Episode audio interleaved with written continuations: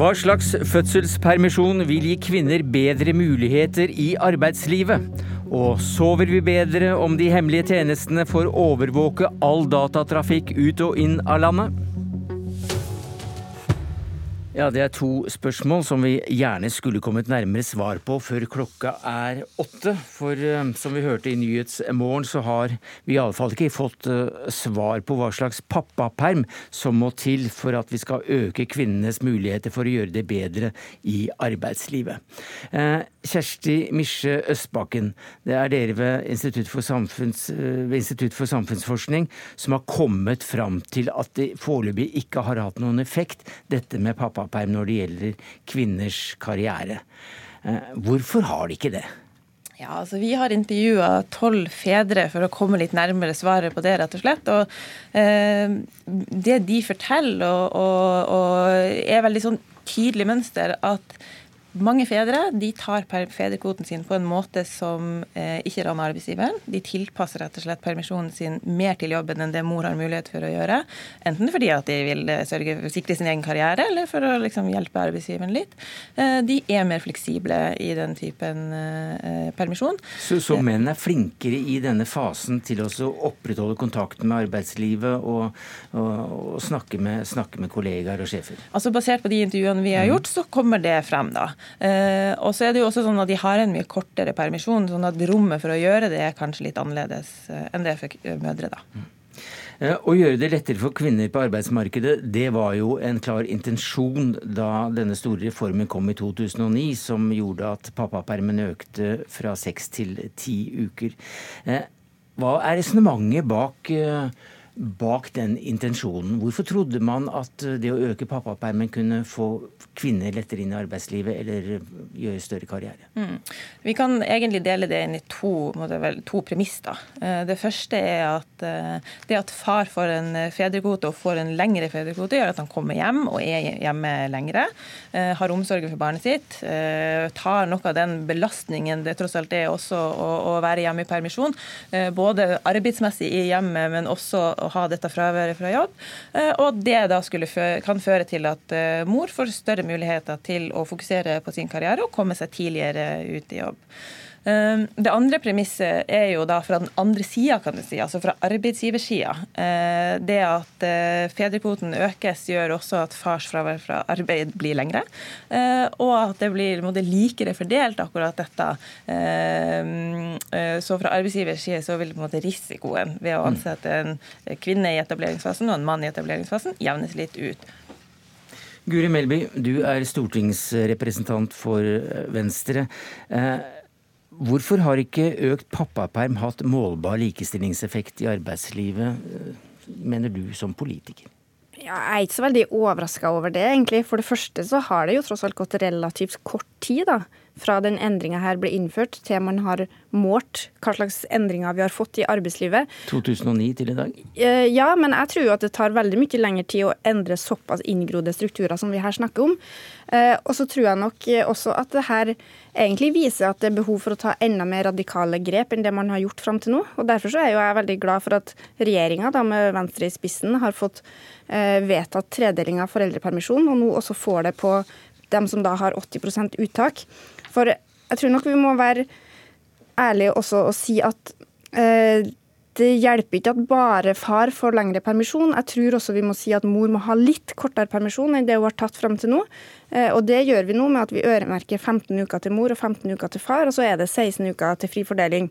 Eh, og jeg føler meg ganske trygg på at eh, den endringa vi nå gjør, vil bidra til å fremme likestilling, men jeg tror nok vi må også akseptere at det kan ta ganske mange år før vi jo, ser noen store endringer. Men så har du også gjentatt her, som du gjorde i Nyhetsmorgen, at, at det, er, det er hardere lut som må til. Hva er det du skal gjøre da? Nei, altså, jeg, jeg, tror jo at det går ikke an å se på bare foreldrepermisjon og tro at det ene og alene er det som endrer holdninga både til hvem som har hovedomsorgen hjemme, og hvem det er som er mest attraktiv i arbeidslivet. Da. Jeg tror det er veldig mye mer gjennomgripende endringer. Men det er jo et av de få verktøyene staten faktisk rår mm. over. Da. Men hardere lut, da mener du også når det gjelder pappapermen? Ja, altså Jeg ønsker jo at eh, fedre også skal ta en større andel av fellesperioden enn det vi ser i dag. Så du vil ikke tvinge noen eller, eller øremerke Nei, jeg, flere uker til pappa? Det er veldig interessant funn i den rapporten at fedre tar omtrent akkurat så mange uker som staten sier at fedre skal gjøre.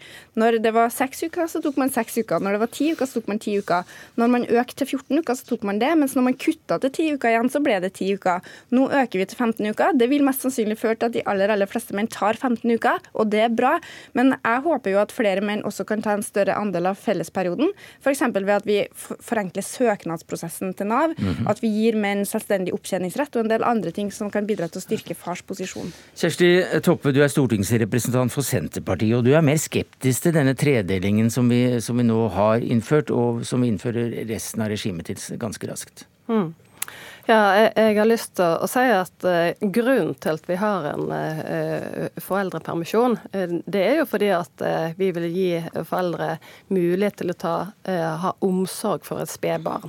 Det er for meg ikke det først og fremst et likestillingsvedtak. Nei, men det er også en av intensjonene der, det vi snakker om i dag. Ja, men altså selve ordningen er jo for å gi omsorg for et, et spedbarn. Og så gjør en endringer og gir fedrekvote og eventuelt en tredeling for at en skal òg sikre likestilling. Eh, og jeg tenker Den undersøkelsen som kom nå, som viser at endringene fra 2009 ikke har hatt en effekt, det må jo en ta til seg. For debatten går jo eh, på at eh, dette skal være et likestillingsvedtak, og mødre skal tidligere ut i jobb. Og Jeg er kritisk til en tredeling. Senterpartiet har programfesta det, så det må jeg understreke. Men jeg frykter, som Helsedirektoratet, at det vil føre til at kvinner slutter å amme tidligere. Og det er ikke bra for helsa til verken mor eller barn barn, eh, og at eventuelt eh, det blir ulønna permisjon som er resultatet. Altså stressa mødre, mm. faktisk. Eh, ja, vi må absolutt følge med på, og jeg tror det er veldig viktig at vi evaluerer den type effekter. F.eks. om det har negativ effekt på amming. Eh, men også med tredeling så er det jo fullt mulig da, å velge å være hjemme i godt over seks måneder, som er det som Helsedirektoratet anbefaler at man fullammer. med. og det er ikke så mange kvinner som ammer så mye etter en sju-åtte mm. måneder eh, at det vil være noe problem å kombinere det med jobb. Men det vi da er nødt til å se på, er jo det å styrke ordninga med ammefri, f.eks. Og jeg, jeg syns det er et veldig viktig poeng som eh, forskerne har, også det med at menn beholder tilknytninga si til arbeidslivet i den perioden de har permisjon. For jeg ønsker jo at det skal bli litt mer vanlig da, å se norske kvinner med en baby på armen og som ammer, mm. både mens de er permisjon, men også etter de har begynt å jobbe, og at de er til stede i arbeidslivet og i samfunnslivet. Og jeg tror at jo flere som er det, jo mer må vi nødt til å legge til rette for dem, og det ja. tror jeg blir bra både for kvinner og for Det tror jeg du eh, fikk fram eh, veldig godt. Toppe, hvordan vil du da legge forholdene til rette slik at kvinner kan ikke bli hemmet i arbeidslivet ved å være hjemme i permisjon? Altså, nå snakker vi om eh, ett år etter en fødsel, eh, og jeg tenker at det er andre ting som kan sikre likestilling enn å tvinge mor tilbake inn i jobb når eh, barnet er seks måneder gammelt. Og jeg, tenker at, at ingen som har, tving, ingen som har sagt at vi skal tvinge mor tilbake. Men, men en tredeling så er det jo en tredeling så er det iallfall sånn at sju måneder er det maksimale en kvinne kan være hjemme dersom en tar ut full sats, og litt vel åtte måneder. Men til disse her ammingen, det er jo slik at en anbefaler at det skal fullammes til seks måneder. Det er ingen kvinner som går rett ut i jobb. Og regjeringa har jo òg et mål om å øke dette. Og det, står ikke, det, det er ingen sammenheng mellom disse målene og det som denne tredelingen legger til rette for. Kjersti Misje Østbakken, godt uh, kort til slutt her. Uh, nå har vi en tredeling, 15, 15 og, og, 16, som man da kan forhandle om de siste 16 ukene. Uh, hva tror du pappa kommer til å gjøre med de 16 ukene? Eh, jeg føler meg ganske sikker på at pappa kommer til å ta 15 uker. Eh, og hvis den trenden vi har i dag fortsetter, så kommer mor til å ta de 16 ukene som også er til, eh, i den delbare delen. Takk skal du ha, Kjersti Misje Østbakken ved Institutt for samfunnsforskning, Kjersti Toppe i Senterpartiet og Guri Melby i Venstre. Abonner på Politisk kvarter som podkast og få sendinga rett til din mobil. Høyt oppe på ønskelista til Etterretningstjenesten står tilgang til all nettrafikk ut og inn av landet. Den ønsker å lagre såkalt metadata, f.eks. nettsteder eller e-postadresser vi oppsøker, og søke i dette lageret av informasjon i en avgrenset periode. Selve innholdet snakker vi ikke om akkurat her, det må andre prosedyrer til før E-tjenesten går inn i det. Hårek Elvenes, du sitter i utenriks- og forsvarskomiteen på Stortinget for Høyre og vil gi E-tjenesten slike muligheter. Hvorfor det? Ja, la meg først si at Dette er jo ikke en situasjon der E-tjenesten kontinuerlig skal sette og overvåke all utenlandstrafikk. Det er snakk om å gi E-tjenesten mulighet til å foreta målretta søk i datatrafikken som går mellom utlandet og Norge.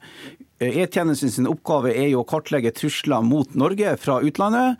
Eh, og med den utviklinga man ser innenfor det digitale, så er dette helt nødvendig for å kunne ha kontroll på digitale trusler, eh, planlegging av sabotasjeaksjoner eh, og planlegging av terrorhandlinger på tvers av landegrensen. Gå inn og se på også hva vi gjør på Instagram, Facebook etc., i hvert fall hvem vi driver og samhandler med.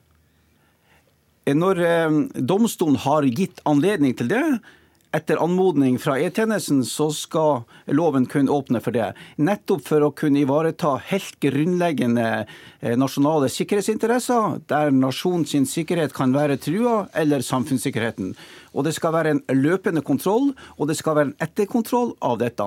Dette rammes inn på en trygg juridisk grunn, slik at dette er nøye balansert mot personvernet. For det er ingen tvil om at dette har en side mot personvernet også. Men er du beroliget nå, Grunde Almeland? Du har vært skeptisk til eh, disse lovendringene. Du er stortingsrepresentant for Venstre. Nei, jeg er nok ikke helt beroliget ennå.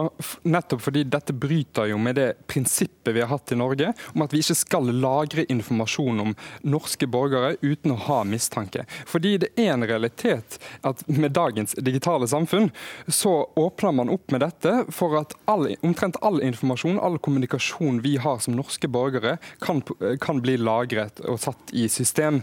Fordi omtrent alt vi gjør, krysser norske grenser. Enten det er Facebook, det er e-post e-posten vår, det er Snapchat, det er Instagram, hva det skal være. Det krysser norske grenser, og det gjør det problematisk. Og så må jeg si det sånn at det er, vi må sette denne debatten litt i perspektiv. fordi det er ikke sånn at i dag har ikke E-tjenesten noen som helst virkemidler. Man har mulighet til å ta, eh, hente inn trafikkdata dersom man har konkret mistanke mot en enkeltperson, men det er altså det man da må ha. I tillegg så beskytter vi jo kritiske institusjoner, sårbare objekt, for, eh, for uh, cyberangrep og den, den, type ting. Men nå snakker det, vi om akkurat ja. dette nye virkemidlet, nemlig også følge med særlig på det som kalles for metadata på tvers av landegrensene. Ja, ja, og det, det syns jeg er problematisk at man skal samle inn all den informasjonen og sette den i system. Elvenes, vi må slippe til Elvenes her, unnskyld. Ja. Dette er altså et målretta søk. Eh, søket må, en, må, være klart definert. Og det er et faktum det at det er teknisk nødvendig å kunne eh, samle denne type informasjon i bulk for å kunne finne den etterretningsmessige informasjonen som er nødvendig, og ha kontroll på for å kunne ivareta eh, nasjonale sikkerhetshensyn. Og Det er ikke snakk om at E-tjenesten kontinuerlig skal sitte og overvåke deg og meg døgnet rundt, året rundt. Det er snakk om å kunne gjøre målretta søk basert på en kjennelse fra Oslo tingrett, der det må være en skjellig grunn til at nasjonale sikkerhetsinteresser eh, er utfordra. Ja, Det skulle jo bare mangle at man hadde en form for rettssikkerhetsinnramming på dette. her. Men det er jo en grunn til at vi ikke har latt politiet få lov til å gjøre dette. Er fordi, det er jo rett og slett fordi vi mener dette er ganske inngripende. Unnskyld, men her tar du feil. Politiet har slike muligheter i dag gjennom bruk av skjulte tvangsmidler, også gjennom ja, domstolgodkjennelse. Men de samler ikke systematisk inn all informasjon på samme måte som en, eh, et digitalt grenseforsvar vil gjøre. Og det Eh, men de kravene er allerede kommet. De kravene om at politiet også skal få tilgang til denne informasjonen, kom allerede i høringssvarene til Lysten-utvalget.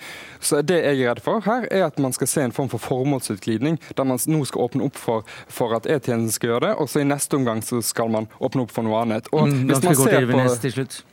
Slutt. du må ikke glemme, E-tjenestens oppgave er ikke å kartlegge nordmenn. E-tjenestens oppgave er å kartlegge utenlandske trusler mot kongeriket fra utlandet. E-tjenesten har intet mandat til å drive noen som helst form for overvåkning av Norge i nordmenn. Men man setter opp et system som potensielt kan også misbrukes i fremtiden, fordi man lager informasjonen. Og dersom mm. det skulle skje en endringer i regimer, eller det skulle skje en endring i måten vi er som samfunn, så kan dette potensielt misbrukes. Takk skal du ha, Grunde Almeland i Bergen og Hårek Elvenes her i studio i Oslo.